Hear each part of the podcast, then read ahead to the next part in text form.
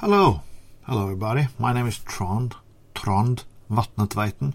This is the new segment on this show uh, called uh, Trond Tell the Truth. I don't know what Fro and Luke was thinking when he asked me to do this. On Norwegian, like me, commenting on world events or thing who I think is bullshit. Well, they did, and here I'm gonna do it. Every week from now on. So if you listen to my English, it's not very good. But I, again, I am a Norwegian. Today I have to talk about one thing who really interested me, and that is the word socialist. From, from my point of view, I'll read American newspapers, watch American TV shows and so on, is always a take on the word socialist, like, well, what is socialism? Socialism is something bad. Socialism is what destroys the rest of the world. Not having socialism is what makes America unique. I don't know. But it looks like when it comes to conservative debate, that is the word you can just say to end it. Liberal, socialist, or even better, French. The Republican candidate for for presidency, Ted Cruz launched the term New York values.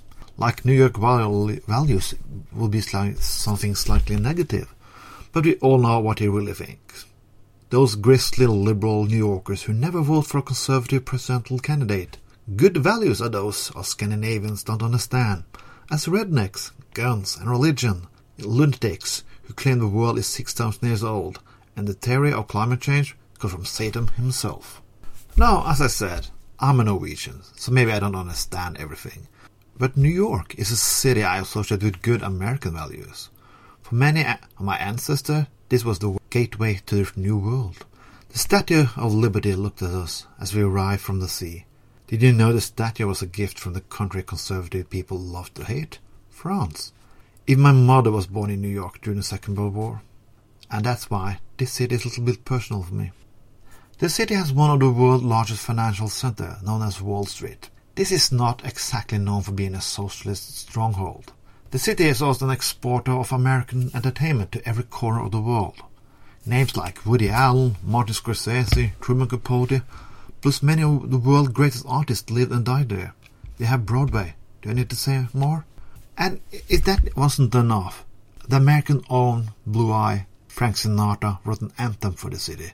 I gotta be a part of it, New York, New York. Well, I shall not sing more for you, but you understand. This song is so, it's like a national song for everybody who loves good music.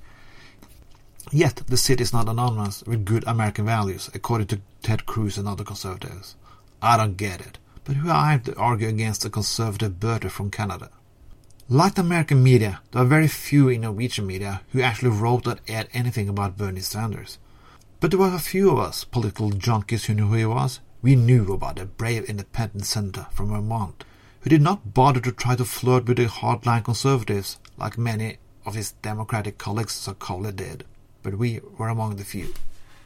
Like the American media, the Norwegian media also found thought it was much more fun to write and tell us everything about the vulgar racist bullshit Donald Trump withdrew from his asshole, rather than talking about a candidate addresses serious political issues.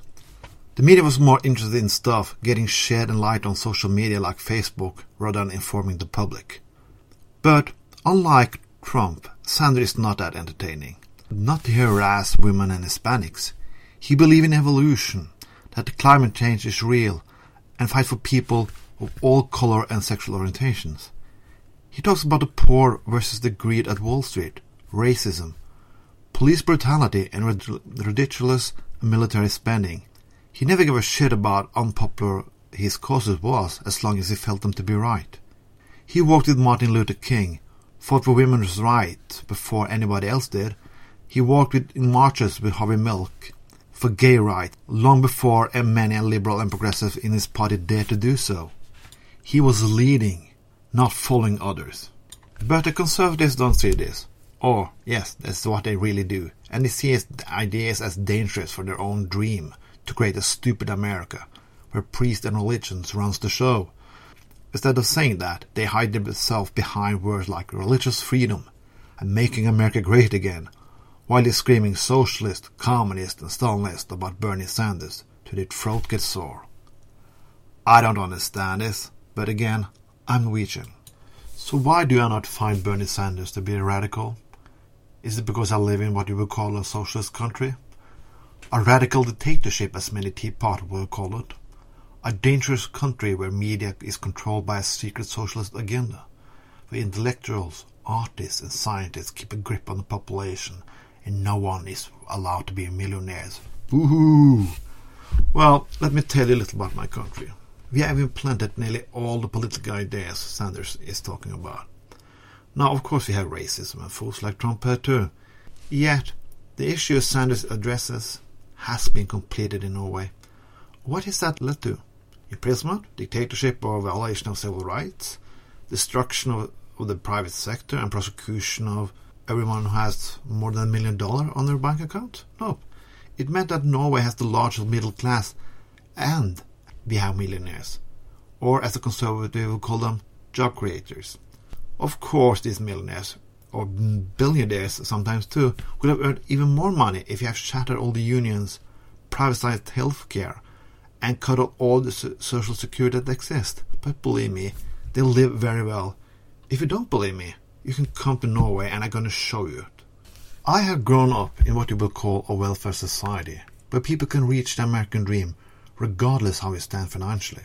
So, that's why I find Bernie Sanders not to be so radical in any way. Bernie Sanders could just as well been a politician of a Conservative Party, which is to the left of where your Democratic Party stands today, and that's sad. So what do the Conservative Republicans fear? They fear the people, Main differences between Norway and the United States are these basic things. In Norway, people vote, and when they vote, they vote for their interests. In Norway, it's difficult to get weapons, while it's easy to vote. In the United States, it's hard to vote, but easy to get weapons. The conservative agenda is clear. They are afraid of change, afraid of losing their power, afraid of losing their grip on the population. It's one thing I have learned through 20 years of politics is that no one gives up power voluntarily. All the candidates say they will make United States great again. But do they know what made the United States great in the first place?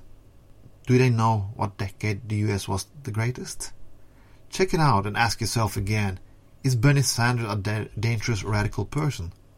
Marco Rubio said that the United States about those who have and those who soon to have. But the truth is, the United States about those who are fucked and soon to get fucked. If you want change, don't sit still and share, only share your thoughts on Facebook and other social media. You must vote. Lift your fucking asshole out and vote. And yes, you must vote for Bernie Sanders. This is Trond Tells the Truth. Bye. See you next week.